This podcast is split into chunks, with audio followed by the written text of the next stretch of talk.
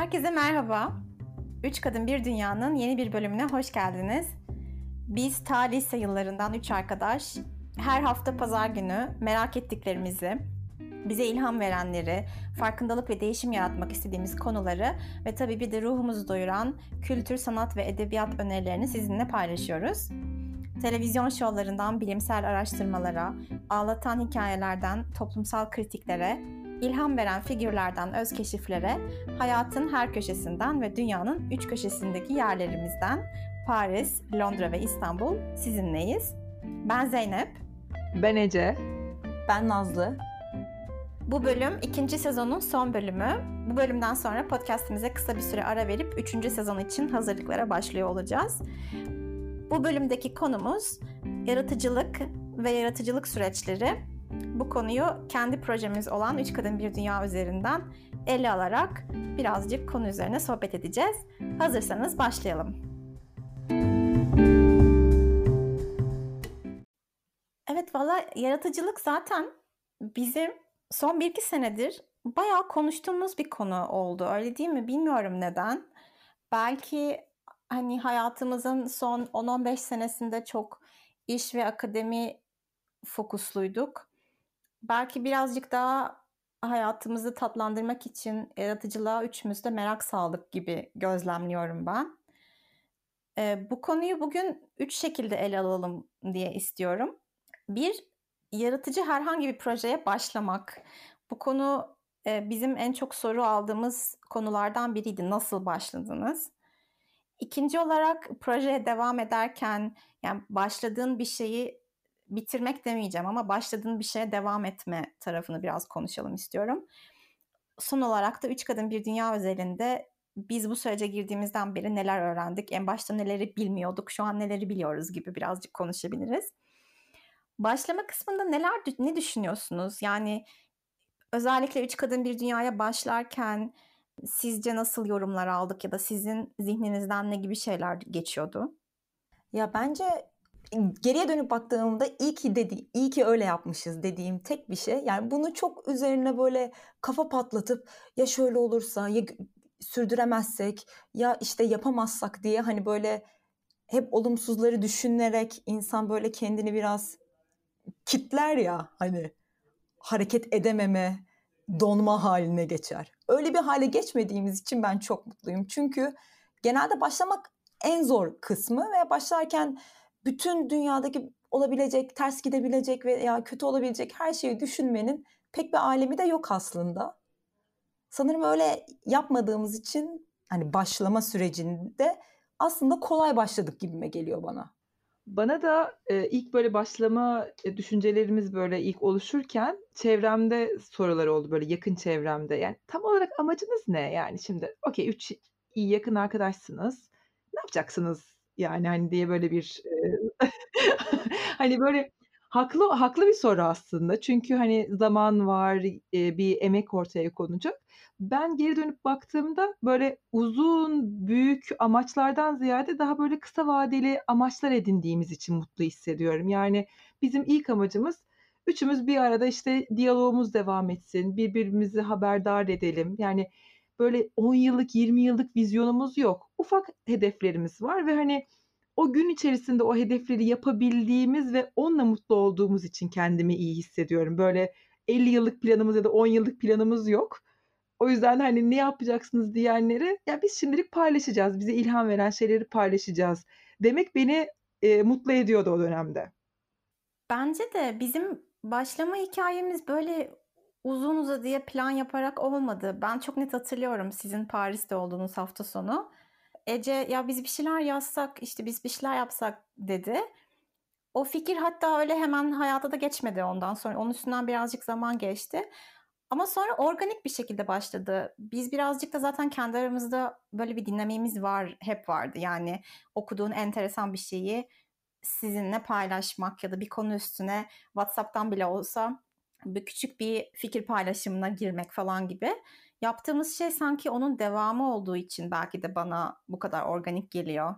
Ya bir de bana şey gibi geliyor. Hani bu amacınız nedir sorusu var ya. Hani başka hobileri düşünelim. Çünkü ben bunu yani en azından şu anda biz hobisel gibi yapıyoruz hani. en azından şey değil. Finansal bir çıkarımız vesaire yok yani. Hobi olarak bir şeyler üretiyoruz, bir şeyler yazıyoruz, sohbet ediyoruz, bunu kayıt ediyoruz. Başka hobileri düşünelim. Daha tüketime yönelik işte atıyorum ne bileyim televizyon izlemek, film izlemek, bir şeyler okumak. Öyle hobileri yaparken kimse insanlar, insanlar birbirlerine amacın ne diye sormuyor. Bir şey üretime geçeceğin zaman biraz daha sanki böyle amacın ne? Hani çünkü belki üretmek biraz daha efor isteyen ve zaman isteyen bir şey olabilir. Bilmiyorum ben mi öyle hissediyorum? Yani amacın ne sorusu iş kuruyoruz veya işte ne bileyim finansal olarak bir business kuruyoruz gibi bir şey dersek belki diyecekler de bir şey üretiyoruz ya. Yaratıcı bir süreç. Amacın ne? Bilmiyorum ben sanırım. Çok şey yapıyorum bu soruya. Amaçsız olabilir yani insan. Amaçsızca da bir şeyler üretebilir. O da sanat olabilir yani.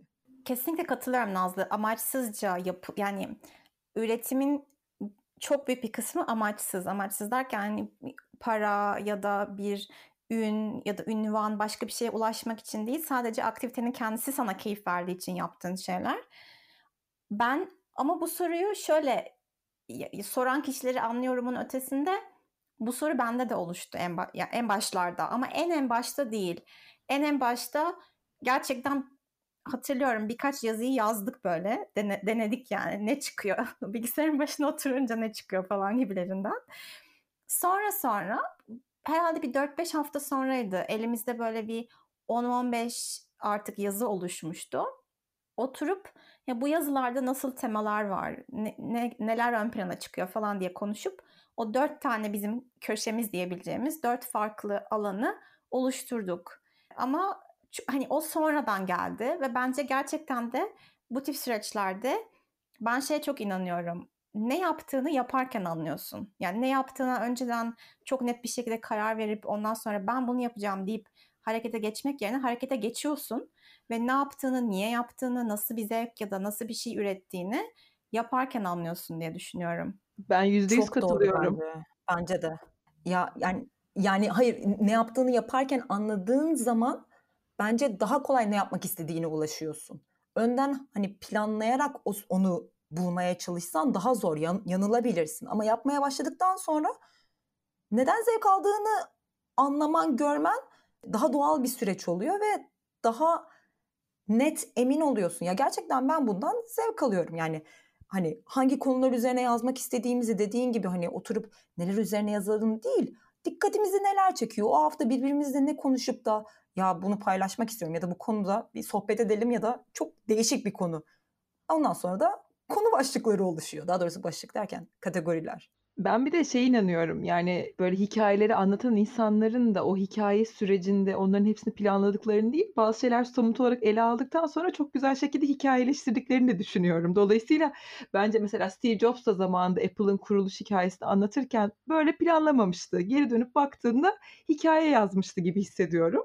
Dolayısıyla bence bütün yaratıcı süreçlerde o arada böyle geri bakıp ne yapıyoruz, nereye gitmek istiyoruz gibi e, yani tek bir amaca yönelik giderken ileri gidişler bence var her zaman için. Katılıyorum bence de o hikayeyi sonradan yazıyorsun gerçekten. Peki sizin ben bir şeyler üretmek istiyorum, bir şeyler yaratmak istiyorum ama harekete geçemiyorum diyen insanlara ne gibi bir tavsiyeniz olur? Ne dersiniz yani? Çok düşünmemek lazım diyorum ben. yani ya çok düşünmemek lazım. Şu anlamda mesela bir şey mi çizmek istiyorsun, resim yapmak istiyorsun? Otur yapmaya başla. Ya büyük ihtimalle iyi olmayabilir, kötü olabilir. Neyse ne hani çok düşünmeden bir başlamak gerekiyor. Sonra zaten zevk alıyorsan kendisi devamı geliyor. Zevk almıyorsan da hiçbir şey kaybetmiş değilsin yani. Bir şeyler denedin. Çok zevk almadığını gördüm. Başka şeyler deneyebilirsin. Ben Nazlı'ya katılıyorum. Ama ben üçümüzün de ortak bir noktası olan bir eserden e, örnek örnek verebileceğimi düşünüyorum. Yani ben aslında e, sizle de beraber eş zamanlı olarak başladığımız Julia Cameron'un Sanatçının Yolu kitabını öneririm e, dinleyicilerimize. Yani zaten hani kitapta birçok egzersiz var ve ama kitabın esas e, teması hepimizin bir birey olarak içinde küçük sanatçılar barındırdığına inanıyor. Dolayısıyla bir şeyler yapmak istiyor olabilirsiniz. E, düşündüğünüz yaratıcı fikri kendi kafanızda öldürmeye meyilli olabilirsiniz ama e, o sonuçta içinizdeki sanatçının küçük bir ürünü. Dolayısıyla e, bazı şeyleri üretmeye yani sanatçı olarak üretmeye başlamak bir şekilde yani düşünmeden adım atmak güzel bir hamle olabilir. Hepimiz küçük sanatçılarız. Bence de o kitapta beni etkileyen bir de şöyle bir şey olmuştu. Bu içimizdeki küçük sanatçıların aslında etrafımızdaki insanlar ya da toplumdaki baskılar sebebiyle ne kadar hor görüldüğünü de anlatıyordu Julia Cameron. Ve bence bu hissedilen tutukluğun, aksiyona geçememenin, ilham bulamamanın en temel sebeplerinden biri de o. Yani mesela şöyle bir terim var bizim Türk kültürümüzde çok söylenen maymun iştahlı olmak. Yani birçok şeye ilgin olduğunda mesela direkt öyle bir etiketi sana yapıştırıyor toplum. Diyor ki sen işte gitar çalıyorsun, piyano çalıyorsun, yazı yazıyorsun, e, resim yapıyorsun, sen maymun iştahlısın. Hiçbirini düzgün yapmıyorsun gibi. Hani böyle düzgün yapmak, işte kendini bir aktiviteye vermek, o aktiviteden bir yerlere gelebilmek falan gibi toplumda belki de çok farkında olmadığımız beklentileri bazen içselleştiriyoruz. Toplumdan öğrendiğimiz şeyleri kendi içimizde bulup bence onları birazcık da temizlemek yani böyle hani bir bahçenin içindeki yabani otları temizler gibi o şeyleri temizlemek de bence insanı harekete geçiriyor. Ya orada çok kısa araya girecektim de bu maymun iştahlı etiketinden ben de hiç sevmiyorum. Bana şey gibi geliyor sırf bu maymun iştahlı dendiği için veya o etiket nedeniyle bazı insanlar kendi hani ilgi alanlarından doğan hobilerini buduyorlar böyle. Hobilerini bir kenara atıyorlar. Çünkü çok dağınık gözüküyor aynı anda. Ne yani hem dans ediyorsun hem gitar çalıyorsun falan filan. Sonra bir süre sonra herkes şey yetişkinlerine dönüyor gibi geliyor bana. Hobi olarak ne yapıyorsun? Televizyon izliyorum. Bilmiyorum bana öyle geliyor. Yani çok kulak asılmaması gereken bir söz olduğunu düşünüyorum. Ya bir de bence ya illa her hobinin ya da yaptığın her şeyin böyle mükemmel noktaya da gelmesine de gerek yok. Bence toplumda öyle de bir baskı var ve hani e, bir şeyleri yaparken ister istemez hem çevrendeki insanlar seni işte yani işte çok fazla şeye maymun iştahlı olma derken hani bir şeye odaklan ve çok iyi ol. Yani illa her şeyde çok iyi olmana da gerek yok. İlla o kadar şanslı da olmayabilirsin. İki, e, sen de kendini kıyaslamaya başlıyorsun. Ya baksana mesela çok iyi tenis oynuyor. Ya tamam sen mesela belki ayda bir tenis oynayacaksın ama yani televizyon izlemekten başka bir hobin olacak. Belki de azla yetinmeyi bileceksin de mutlu olacaksın. Evet katılıyorum ben de çok. Peki birazcık da bu yaratıcı süreci devam kısmını konuşalım mı? Çünkü burada da insanlar çok takılabiliyor. Ben de geçmişte burada çok takıldım. Yani belki en başta takılmıyorsun, harekete geçiyorsun. Ama sonra onu devam ettirmek bence çok farklı bir güç isteyen ya da farklı farklı bir enerji isteyen bir şey. Geçenlerde bitirdiğim ve beni çok etkileyen bir kitap var. Susan Cain'in Sessiz diye. Susmak bilmeyen bir dünyada içe dönük insanların gücü diye bir kitap yazıyor. Ya şöyle bir yanlış algımız var diyor Susan Cain. Sanki önce kendine güveneceksin de ondan sonra üretime geçeceksin. Halbuki ne oluyor? Sen ürettikçe kendine güveniyorsun. Kendine güvendikçe üretiyorsun, ürettikçe kendine güveniyorsun. Yani böyle bir döngü var aslında orada. Bu kendine güveni geliştirmek dışında sizin siz ne gibi şeyler görüyorsunuz? Yani mesela biz şimdi Üç Kadın Bir Dünya'ya başlayalı bir sene oldu galiba. Sizce şu anki bulunduğumuz yer nasıl bir yer? Buranın nasıl zorlukları, nasıl güzellikleri var? Çünkü biz şu an bir proje, bu projeye baktığında e, düzenli olarak haftada valla 2 saat minimum, e, maksimumu 4-5 saat olacak şekilde ayırıyoruz. Bayağıdır da devam ettiriyoruz yani. Ya devamlılık da dediğin doğru. Yani başlamaktan çok farklı bir enerji var sanırım devamlılıkta. Özellikle de yaratıcı bir şey yani bir, bir şeyi üretirken ki yani ürettiğin bir durumda devamlılık sadece disiplin de demeyeceğim. Çünkü yani o bir şeyi yaratmaya seni hani rahatça yaratabileceğin bir zihinsel kapasiteye ihtiyaç var gibi hissediyorum. Ve o zihinsel kapasite de hayatın koşuşturmacaları, farklı stresleri, günlük normal işlerimiz arasında o zihinsel kapasite bazen azalabiliyor. Çok stresli olduğum haftalarda mesela benim. Yani hiçbir şey bırak ilham vermeyi hani yazmayı ilham bile vermiyor yani. Hani hiçbir konu ilgimi çekmiyor yazmak zor oluyor. Ee, ama her hafta öyle olmuyor. Yani o yüzden de onu böyle bir öyle hissedilen haftalarda çok demoralize olmamak gerekiyor gibi hissediyorum. Çünkü o hafta öylesindir farklı stresler vardır üstünde. Ama bir sonraki hafta belki farklı bir zihinsel e, modda olacaksın ve o zaman daha çok hani hoşuna gidecek bu aynı şeye geri dönüp üretmek. Ama o bir bence kesinlikle bir dalgalanma. O dalgalanmayı da tolere etmek gerekiyor. Hani ben Nazlı sana katılıyorum. Bence hepimizde e, o dalgalanma farklı haftalarda yaşanıyor olabiliyor. Yani ben de kendim olarak baktığımda yani bazı hafta şey işte her böyle izlediğim, okuduğum, dinlediğim birçok şey böyle paylaşma isteği içerisinde oluyorum. Bazen de aman ya bunun paylaşılacak da bir şey yok yani. Ne gerek var şimdi bunu paylaşmaya gibi kendime de böyle otosansür yaptığım zamanlar oluyor. Ama bence mesela şey yani şey açısından bakıldığında üçümüzün de farklı ritimleri olması ve hani belki de riski dağıtıyor olmamızın da bence güzelliği var. Tek başına yaptığımız bir e, yaratıcı süreçten ziyade üçümüzün de hani tabii ki zorlukları da vardır o ayrı bir konu ama bir yani birimizin e, yaratıcı hissetmediği bir zamanda diğer ikimizin devreye girebilmesi de bence güzel bir konfor katıyor. Ben kişisel olarak bu arada proje gibi bakmıyorum da böyle süreç gibi bakıyorum buna. O yüzden de böyle hani o hafta bir şey üretmek istemiyorsam Allah'ım projede bir şey üretemiyorum gibi değil de bu hafta da canım sağ olsun gibi bakıyorum. Biraz daha tolere ediyorum sanırım kişisel olarak. Evet ve seçtiğimiz kelimelerin etkisi olduğuna inanıyorum ben. Mesela proje kelimesi beni hani çok rahatsız etmiyor ama seni rahatsız ediyor olması bana şöyle enteresan geldi. Bazı kelimeler gerçekten bende farklı bir etki yaratıyor. Mesela üç kadın bir dünya iş mi değil mi? Bazı günler iş değil gibi hissetmek istiyorum onu. Çünkü işin benim için ya biz biz kar amaçlı yapmıyoruz bunu sonuçta. Ama bazı günlerde iş gibi görmek bana iyi geliyor. Çünkü bu da aslına bakarsan bayağı kendimi vererek, bir şeyler üreterek, bir şeyler ortaya koyarak yaptığım bir şey kelimeler yani seçtiğimiz kelimeler ve yaptığımız aktiviteyi nasıl tarif ettiğimizin insanın psikolojisinde bir etkisi olduğuna inanıyorum ben kesinlikle. Bir de sizin ikinizi dinlerken ben de kendimde şöyle hissettim. Benim için devamlılığın iki tane önemli tarafı var. Birincisi şefkat. Sizin dediğiniz gibi şefkatli olmak. Yani disiplin kelimesi mesela beni çok irite ediyor. E, hayatımda yeterince şey var disiplinli bir şekilde yaptığım gibi geliyor.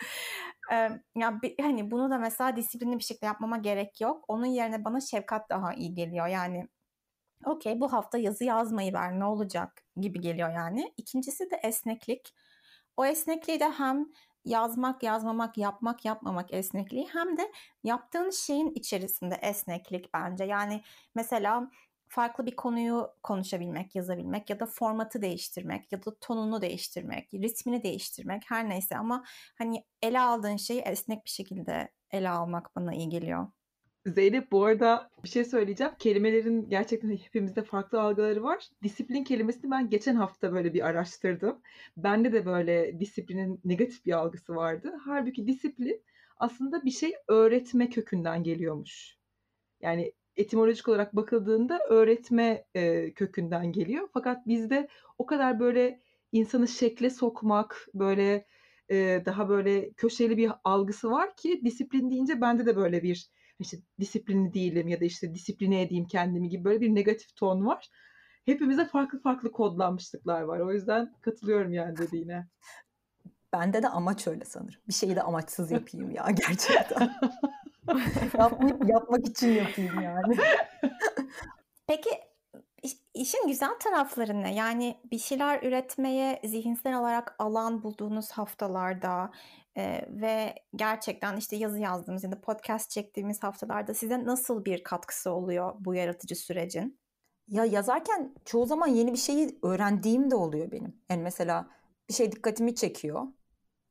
Aa acaba bu nasıl, neden böyle diyorum. Sonra biraz neden böyle sorusunu sorduğum için ona yönelik okuyup aa yeni bir şey öğrendim ben bunu paylaşayım oluyor. Mesela şey şey üzerine yazı hayvanlarda torun sevgisi var mıdır? Hayvanların torunları var mıdır? Torunlarını tanıyorlar mı? Sorusu tamamen öyle çıktı yani. Üzerine yoksa bir yerden görüp okuyup diye de garip bir muhabbette öyle bir soru çıktı. Sonra ya var mı gerçekten ya deyip arayıp okuduktan sonra ya tamam ben bunu paylaşmak istiyorum. Ve ondan benim çıkarımım ne oldu? Değişik garip bir şey öğrenmiş oldum. İşime yarar mı daha sonra? Bilmiyorum ama amaçsız bir öğrenme işte bilmiyorum. Çok hoşuma gitmişti o hafta benim. Bendeki his böyle e, her ne kadar yemek yapmayı sevmesem de böyle yemek yapmışım ve bir şey üretmişim gibi bir mutluluk oluyor. E, yani kendim yemek yaptığım zaman da en sevdiğim şey böyle sevdiğim insanların onu yiyip böyle güzel yorumlar yapması. Dolayısıyla böyle yazı yazdığımız ya da bir podcast çektiğimiz haftalarda sonrasında böyle bir hani bir şey üretmenin verdiği mutluluk ve gelen e, böyle güzel yorumlar. Ya kendi ya illa böyle birinin yorum yazmasına bile gerek yok. Kendi içimize döndürdüğümüz bu hafta bülten güzel oldu ya. İşte ben de dışarıdan bir okuyucu gibi okuyunca keyif aldım gibi böyle ufak mutluluklar bile bende böyle bir büyük başarı hissi oluşturuyor. Yani dünya için küçük, kendim için büyük bir his oluyor bende. Ya bir de ben şunu da ekleyeceğim söylediğiniz şeylere. Ben, benim mesela dansla ilişkim böyle. Uzun zamanlar dans etmiyorum, sonra ediyorum, sonra etmiyorum. Sonra halbuki benim için önemli bir aktivite dans, önemli bir yaratıcı süreç o da. Ve dans ettiğim zamanlarda şey hissi geliyor böyle. Sanki başka bir Zeynep'e yolculuk ettim gibi. Yani kendi benliğimin farklı bir köşesine gittim gibi hissediyorum. Yazı yazarken başka, dans ederken başka, podcast çekerken başka. Yani böyle sanki kendi içsel zenginliğimde dolaşıyorum gibi geliyor ve bunun bir de dışarıdaki insanlarla ilişki tarafı var tabii ki. Yani mesela biz 18 senedir arkadaşız. İlk defa böyle bir yaratıcı sürece tamamıyla yaratmak amaçlı giriyoruz. Ya da am- amacı boş verelim Nazlı'nın hoşuna gitmiyormuş ama böyle bir yaratıcı sürecin içine hani hiçbir okul ya da bir kurumun bizden bir beklentisi olmadan kendi kendimize ilk defa girdik ve o o yaratıcı sürecin içinde sizinle bulunmak da çok keyifli. Arkadaşlığımıza da farklı bir zenginlik kattı gibi geliyor bana. Bu arada şey dedin ya hani okuldan, üniversiteden herhangi bir şeyden bağımsız girdik. Bence o yüzden insanlar şaşırıp amacı soruyor. Allah Allah yani hiç bunu size, sizden isteyen birisi yok. Niye yapıyorsunuz gibi. Ya bu arada mesela şu an Zeynep senin dediğin hiçbir maddi amaç e, beklemeden ya da bir kurumla gitmeden dediğimiz de bir kendi içimizde aldığımız bir karar ve dönüp sorgulamadığımız için şu anda bence onun da bir kafa rahatlığı var. Yani belki daha büyük böyle maddi hedeflerimiz olsaydı şu anki kadar böyle Nazlı'nın nefret ettiği amaçsız halimizle amaçsız da demeyelim de böyle üstümüzde bir baskı olmadan belki üretemiyor bile olabilirdik. Dolayısıyla kendi içimizde o ne istiyoruz, ne istemiyoruzu netleştirmek de bence önemli üretirken bazı şeyleri. Evet katılıyorum. İşin içine para girdiğinde yani parayı kazanan kişi ve parayı ödeyen kişiler arasında bir anlaşma olduğu için o anlaşmayla birlikte farklı beklentiler geliyor. Peki bir de son 5 dakika şeyi konuşalım. Üç Kadın Bir Dünya özelinde bir süredir biz yazı yazıyoruz, haftalık bülten gönderiyoruz, podcast çekiyoruz. Bu sürece girmeden önce siz neler biliyordunuz, neler bilmiyordunuz, neler öğrendiniz? Geriye dönüp baktığınızda neleri iyi yaptık sizce? Çok şey bilmediğimi fark ettim. yani bilmiyorum keşke gösterebilsek. Gerçi geçen haftalarda Ece e, bir video çekip bu bizim podcast'ı çekmeden önceki teknik bütün ekipmanı e, kurma sürecimizi videoya almıştı. Onu da Instagram'dan paylaşmıştı. Hani keşke bugün de çekseydik. Olduysa, aynen yani gerçekten. Kaç dakika sürdü dedin sen Zeynep? 25, 25 dakika sürdü. 25 dakika boyunca. Hani dışarıdan bakınca şey gibi. Ne olacak işte? Mikrofonu takacaksın kulaklığı takacaksın. O kadar olması gerekiyor ama yani işte oradan eko mu geliyor? Buradan böyle ses mi geliyor? Yok birbirimizi şuradan mı duyuyoruz? Neyse bu teknik süreçlerde özellikle hiçbir şey bilmiyormuşum gibi hissettim.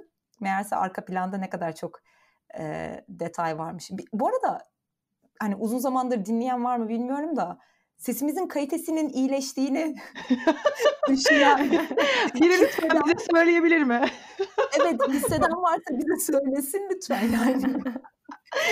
Birazcık iyileştirmek için hani birkaç adım attık.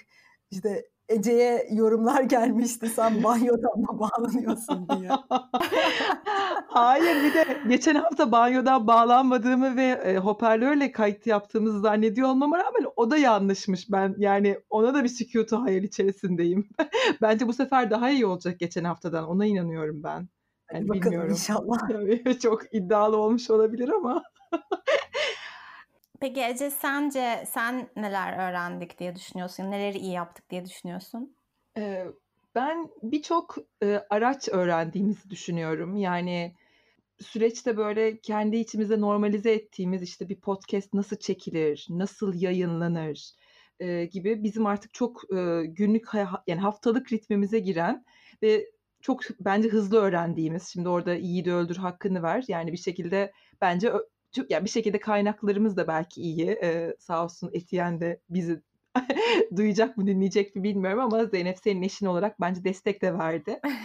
ee, ama onun haricinde de bence hani e, birçok şey öğrendik ve e, hızlı da adapte olduk diye düşünüyorum. Yani e, şu an birçok ya kaçıncı kullandığımız şey bir ara Zoom'dan kayıt alıyorduk. Sonra e, işte başka ne yaptık? Şey e, pardon en başta Zoom'la başlamadık. Anchor'la başladık.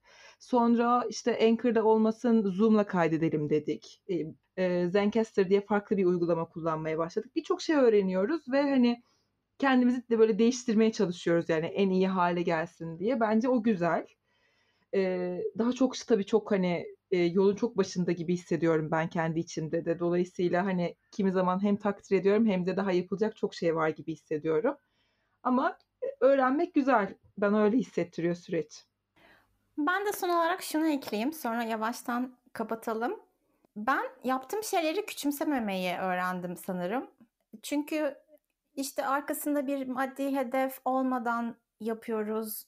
E, kendimizi mutlu etmek için yapıyoruz baktığında. Ama sonuç olarak biz ortaya bir şeyler de koymuş oluyoruz. İşte bir küçük bir yazı olsun, bir podcast bölümü olsun. Bazen okuyan ve dinleyen kişilerden bize gelen yorumlar birilerine değdiğimizi hissettiriyor bana.